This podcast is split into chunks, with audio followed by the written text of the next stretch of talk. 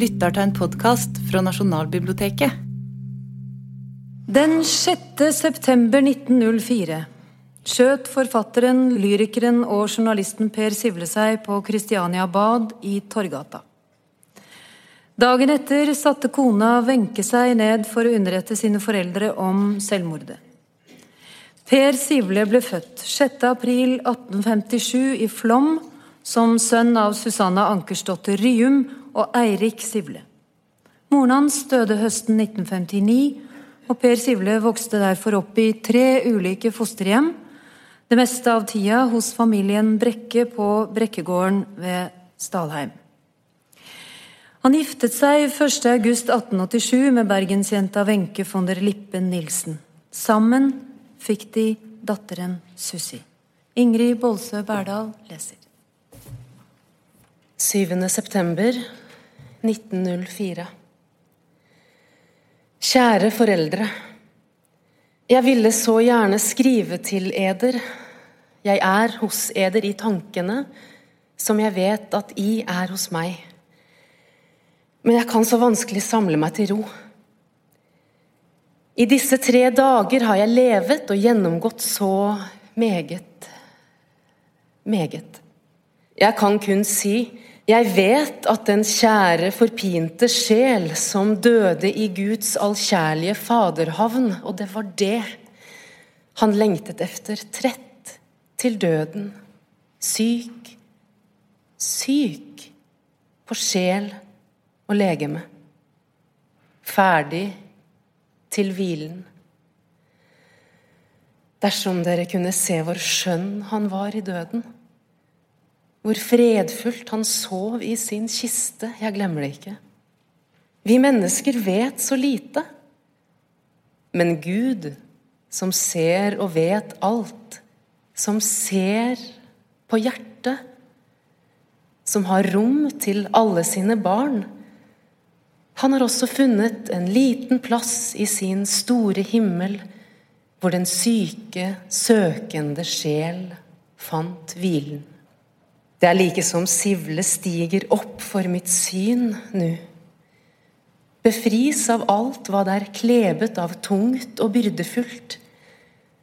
Stiger opp som den hjertens gode, snille venn, som i grunnen ville alle så vel, men som rakk så lite fordi han bar på en bør for tung, en forbannelsens arv.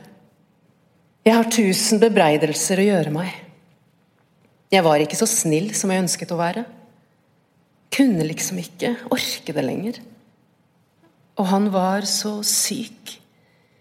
Jeg tror aldeles bestemt han led av magekreft, alltid diaré og ofte blodgang. Og normal var han ikke alltid efter turene sine. Hans redsel for å bli vanvittig pisket ham natt og dag. Han flyktet likesom bort fra oss uten å si hvor han reiste hen. I åtte dager visste jeg det ikke. Så skrev og telefonerte jeg rundt. Da hadde han lørdag hatt et lite slagtilfelle. Av angst for at de skulle sperre ham inne, gikk han fra Rikshospitalet før han var helt kommet til seg selv. Så fikk jeg en bekjent at reise mandag og få ham hjem. Nei, han ville ikke.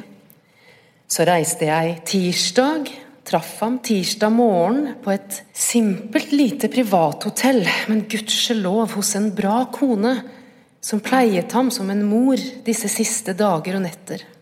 Han ville ikke reise hjem. Jeg er glad fordi jeg fikk se og tale med ham. Jeg tok ham om halsen og ba ham huske på at vi holdt så inderlig av ham, at vi skulle være så gode imot ham bare han kom hjem. Han gråt så inderlig sårt, og det var ondt å se ham gråte. Klokken tolv døde han i badet. Først ved firetiden fikk jeg vite det. De timer var de verste jeg har levet. Aldeles maktesløs, alene på fremmed sted, ventet jeg med en underlig angst for at noe ville skje. jeg nesten ante før jeg fikk det å vite at han var død. Mange har vært gode og kjærlige mot meg. En ung detektiv som meldte dødsfallet, fulgte meg hele tiden. Det var så meget å ordne. Jeg ville hatt ham hjem her. Han skal hvile der oppe på Sundhaugen ved siden av sin far. Der har vi plass selv. Begraves lørdag fra kirken. Hans dødsfall har vakt stor deltagelse over det hele land. Nå kan de skrive pent om ham, sa Blair. Ja, nå er han stor, og vokser han for hver dag. Jeg ser vitnesbyrd fra mange hold på deltakelse. Den dag han døde, kom et brev fra Amerika, fra en nordmann som hadde lest at han hadde det smått, og gjerne ville vise ham en liten vennlighet, og sendte 20 kroner. Han fikk det ikke selv. Nå er det en liten hjelp til begravelsen, som jo er kostbar. En annen fattig venn av ham har sendt meg en liten hjelp. Jeg ville gjerne yte litt til vår kjære venns jordeferd. Det er rørende. Brev og telegrammer får jeg. Det er godt å føle deltakelse. På Sivles vegne har jeg i grunnen alle dager vært så sår fordi jeg alltid har funnet at han ble satt altfor liten pris på. Dere vet, det er to slags ære og berømmelse. Den brakende nuets og den enkle, rene som mer tilhører tiden, evigheten. Og så var det jo Sivles mangel på å gjøre seg omtalt han avskydde jo alt reklamevesen. Han var fornem på det hvor det gjaldt hans kunst. Man vil se det nå. To deilige dikt lå her. Kommer i morgen i verdens gang. Hans dikt. Jeg har en skuff full. Han kunne ikke få forlegger. I dag har jeg fått tilbud fra redaktør Thommessen. Han skal være min forretningshjelp og skaffe meg forlegger. Det er bittert. Det skjærer meg i sjelen. Over hans lik måtte altså veien gå. Med alt jeg har prøvd, så holdt jeg så av ham, for vi passet i mange henseelser og under lykkeligere forhold hadde vi så merkelig kunnet utfylle hverandre. Men også jeg var nå så trett. Så trett, og han så umedgjørlig. Han hadde i det siste der inne vært avholdende. For seg selv tumlet med sin sjelekamp. Sin dødskamp, kan jeg godt si. Gud være lovet for at han ikke lider mer. Fra barn av uten hjem, uten både mor og far, kan jeg gjerne si. Bløt og redd, han sa selv. Født med redsel i sjelen, uten en moderfavn å ty til, har hans liv vært en tung gang, under trykk av svakhet i vilje, dårlig arv og uformåenhet til å finne seg et solid fotfeste i verdens malstrømmer. I hele sommer har han tumlet med tanker på døden. Har allerede skrevet i den store praktutgaven av Snorre og forært den til konfirmasjonsgave til Sussi. Jeg husker hvor fornærmet vi var fordi han skrev i den en aften han ikke var ganske stø på hånden. Nå er Sussi glad for det. Jeg har sammen med en venninne vært henne på graven i dag. De var allerede begynt å gjøre den i stand. Der var så yndig, fredelig, med sol og vid utsikt oppover til Langumsjordene. Der var den fred han lengtet efter. borte fra bylarmen. Ja, jeg sender nu dette. Det er vel ikke ordentlig gjennomtenkt. Det strømmer ut fra hjertet. Kjærligste hilsener til alle. Wenche.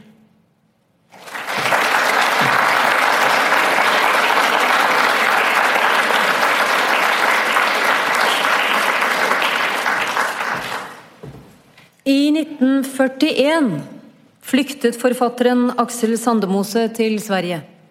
Etter krigen flyttet Sandemose tilbake til Norge sammen med sin da nye kone Eva Borgen.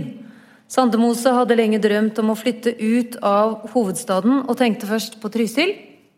Men så kom paret over det nedlagte småbruket Kjørkelvik i Søndeled i Aust-Agder på Sørlandet og kjøpte dette. Etter ti gode år på småbruket begynte en tøff periode for Sandemose.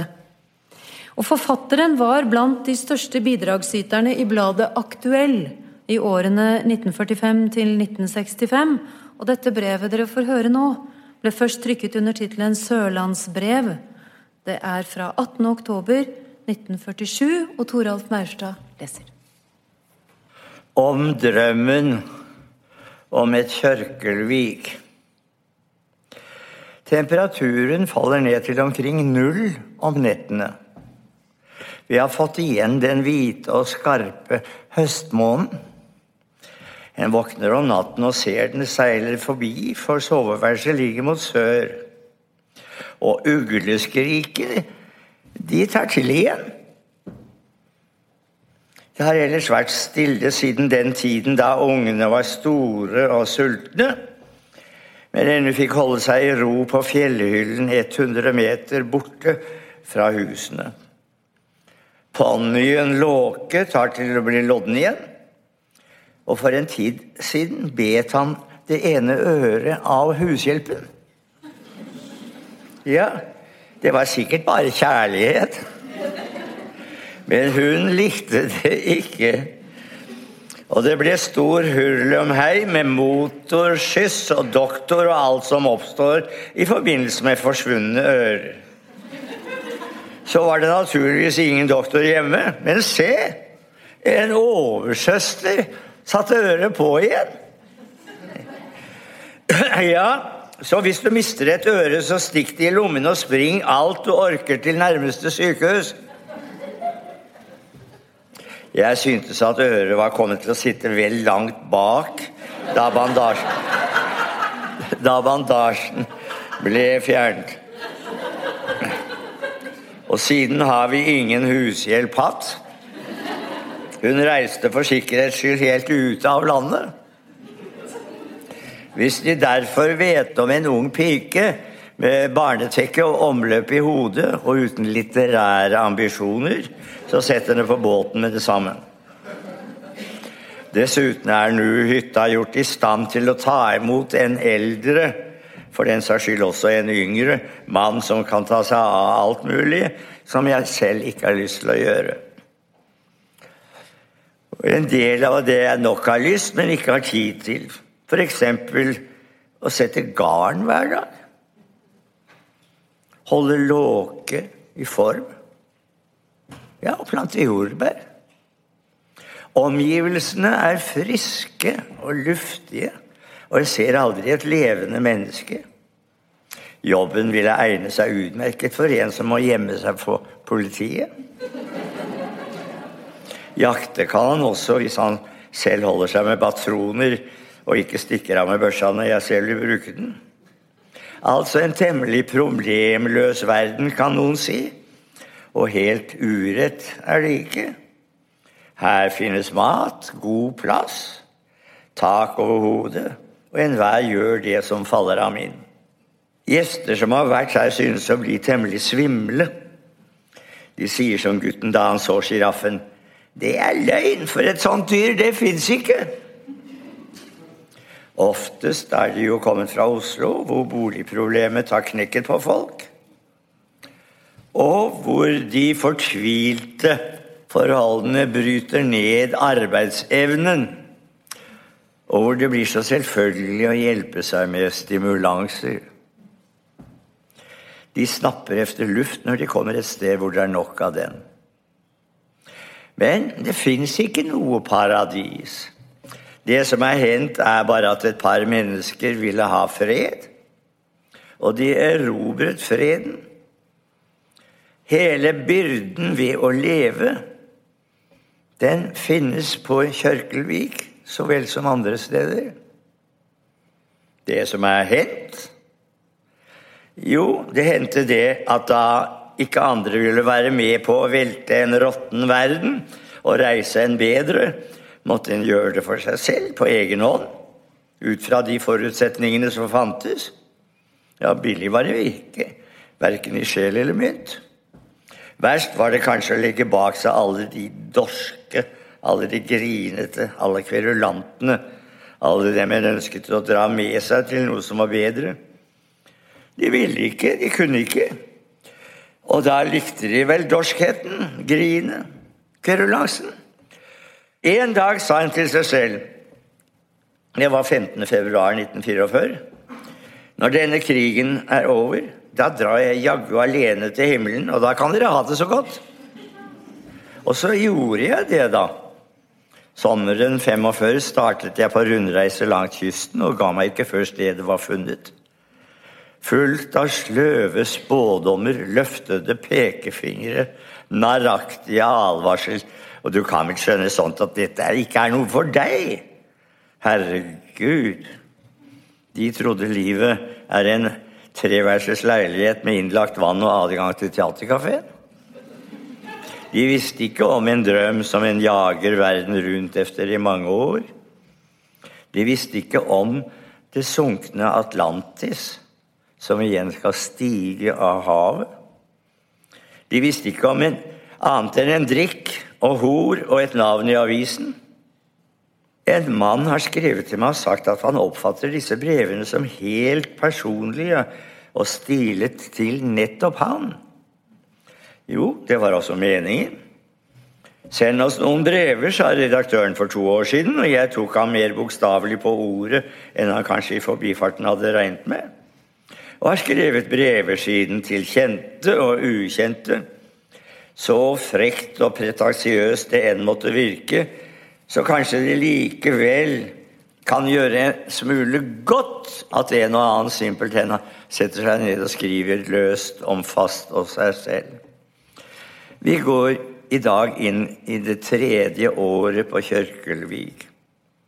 Det er litt uro i uthuset under meg. Et par gutter velter epler ut på gulvet. Madame sitter fromt på en kasse og pakker hvert eple inn i hvitt og gjennomsiktig papir før de legges ned i sprinkelkasser. Vi skal fortære dem i de lange vinterkveldene med et glass vin på bordet når vi har råd. Det fins ikke noe skjønnere enn å sitte slik en vinterkveld her i skogen med hver sin bok og holde kjeft. Barna triller med epler på gulvet utenfor døren. De hyler og ler. Om noen timer får de besøk av storebror, som kommer fra Frankrike. Sist han var her, så han lenge på krypene som var brødrene hans, og sa omsider Jeg liker ikke ordet halvsøsken. Jeg sier at de er brødrene mine på farssiden. Snorre bruker den formen. Den er penere og sier mer. Det hadde jo gutten rett i. Og jeg håper han blir her så lenge at vi kan få eplene i hus. Ja, her blir folk satt i arbeid. ja, det var det.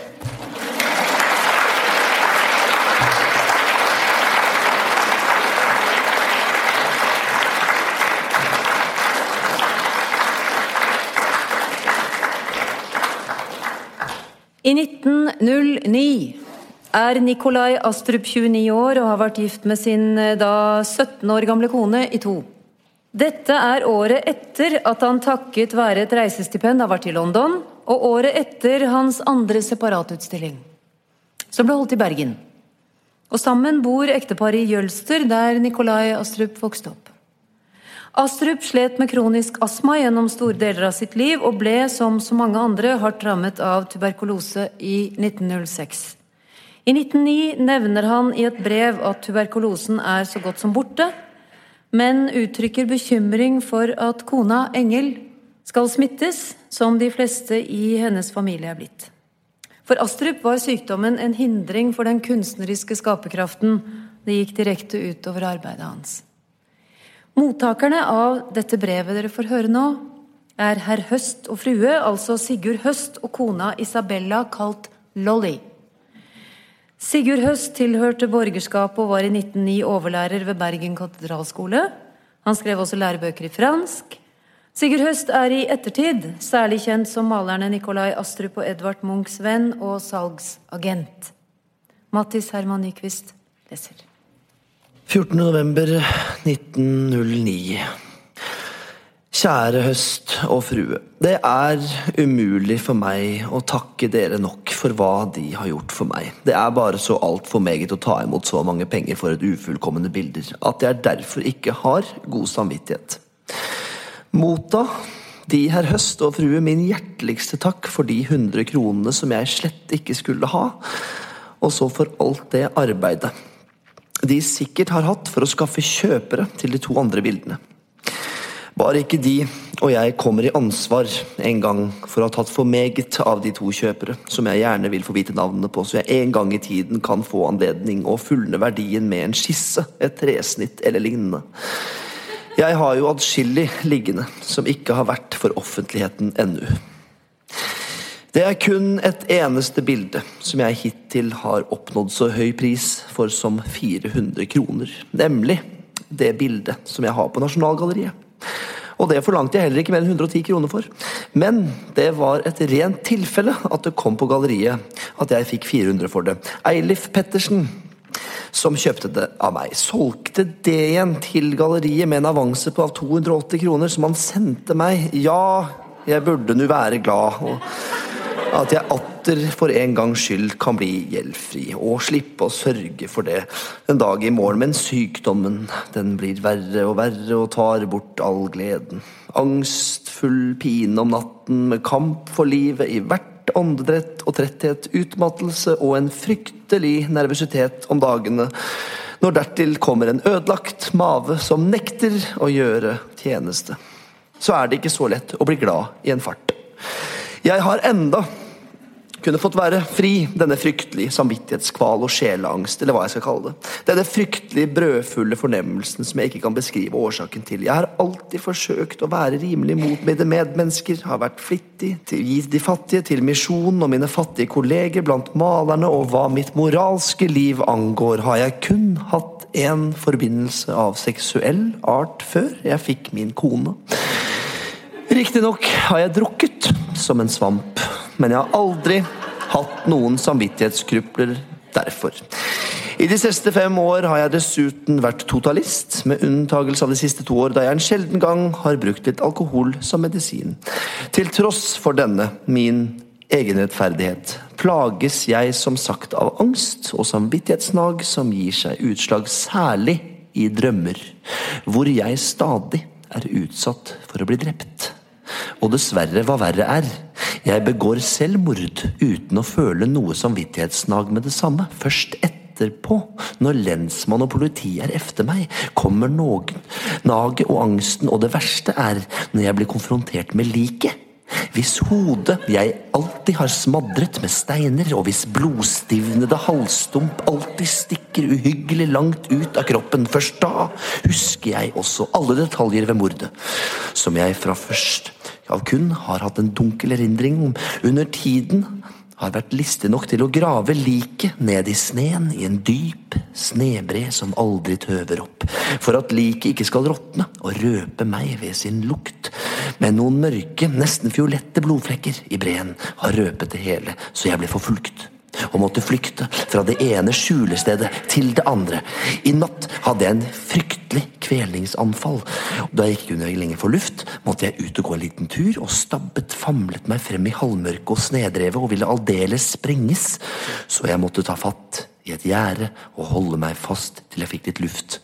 Og da jeg plutselig fikk høre et skrik så uhyggelig som jeg aldri før har hørt, det kom igjen, gang på gang, noen hese skrik som av et menneske som ble kvalt, så lød det liksom noen dumpe slag, og så ble det stilt.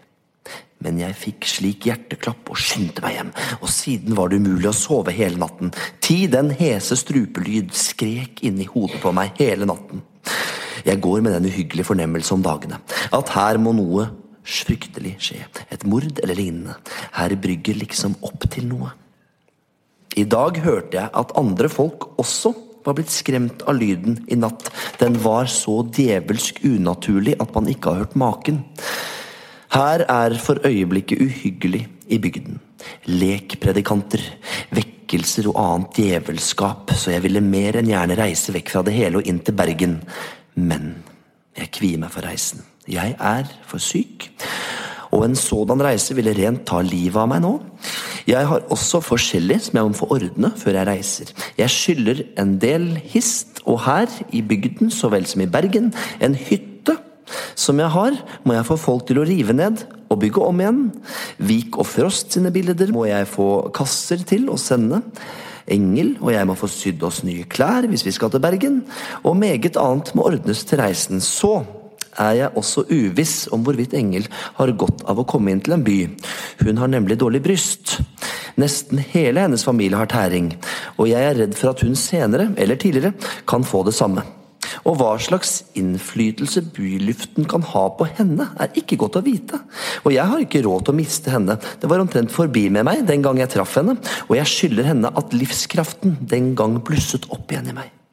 Og den 15 år gamle jentungen som fulgte meg uten å være redd for folkesnakk, gjorde også at jeg fikk tro på menneskeheten igjen.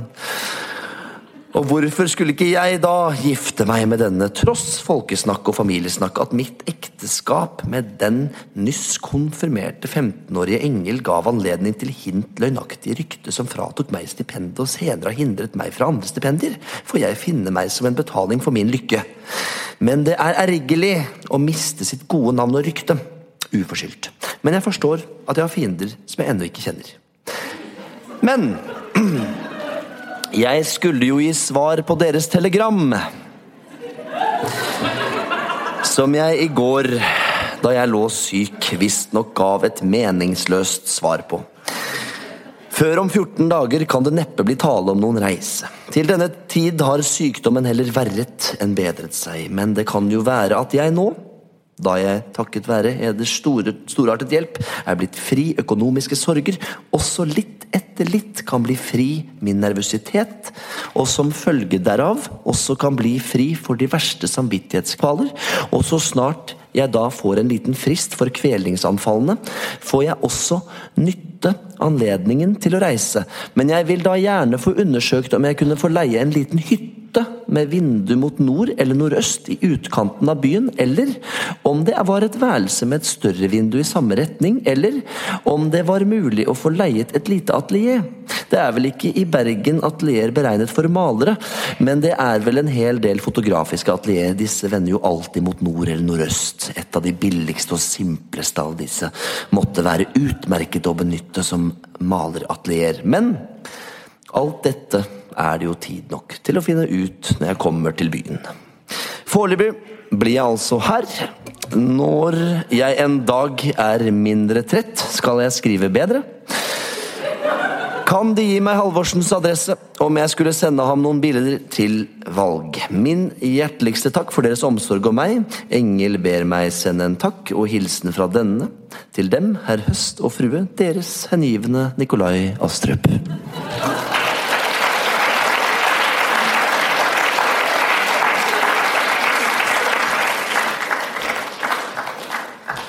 22.6.1866. Elise Amalie Wærenskiold var datter av presten Nikolai Seiersløv Tvede. Bare 19 år gammel opprettet hun privatskole i Tønsberg og drev den i tre. Sent i 1830-årene giftet hun seg med Sven Foyn, det fargerike opphavet til norsk hvalfangst, og etter få år ble ekteskapet oppløst i vennskapelighet på hustruens initiativ.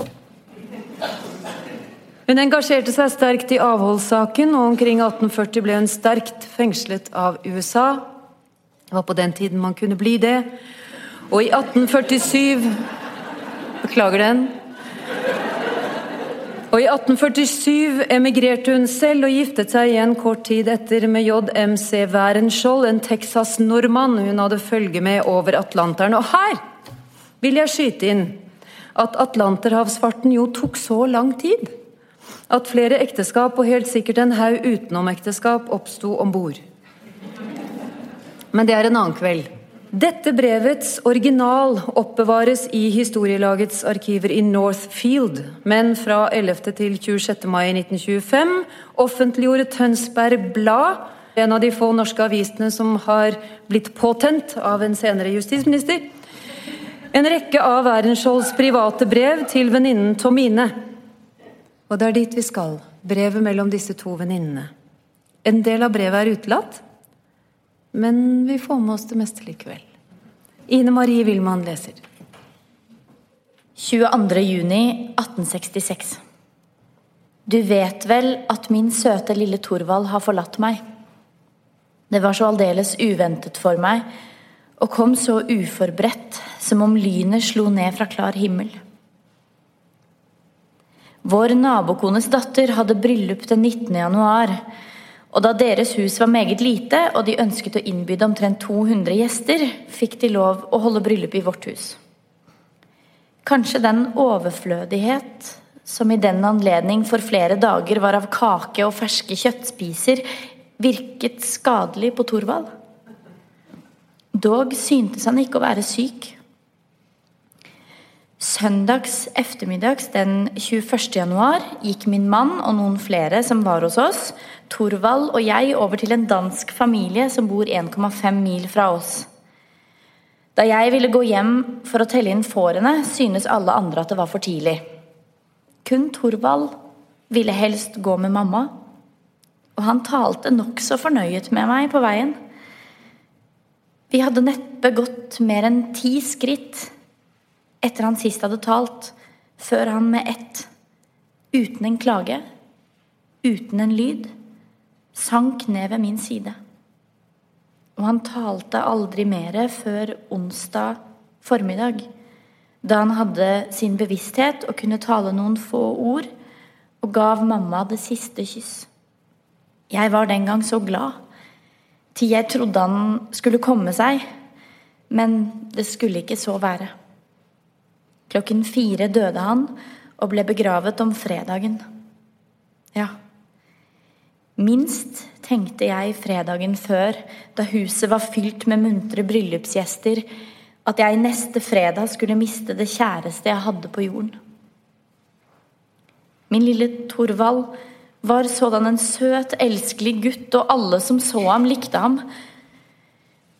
Jeg kan ikke glede meg riktig over noen ting.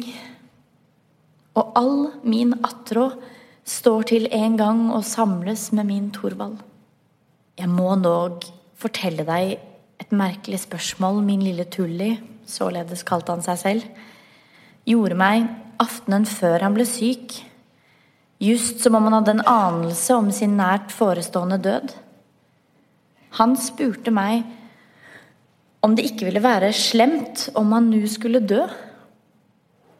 Da jeg ikke trodde det var den ringeste fare for at sådan skulle skje, ble jeg kun forundret og spurte hvorfor. Jo, sa han, for dersom jeg døde nå, vil jeg alltid beholde den slemme ånd jeg nå har. Han trodde nemlig at det nye legemet vi skulle få efter døden, ville bli aldeles som vårt legeme er når vi dør.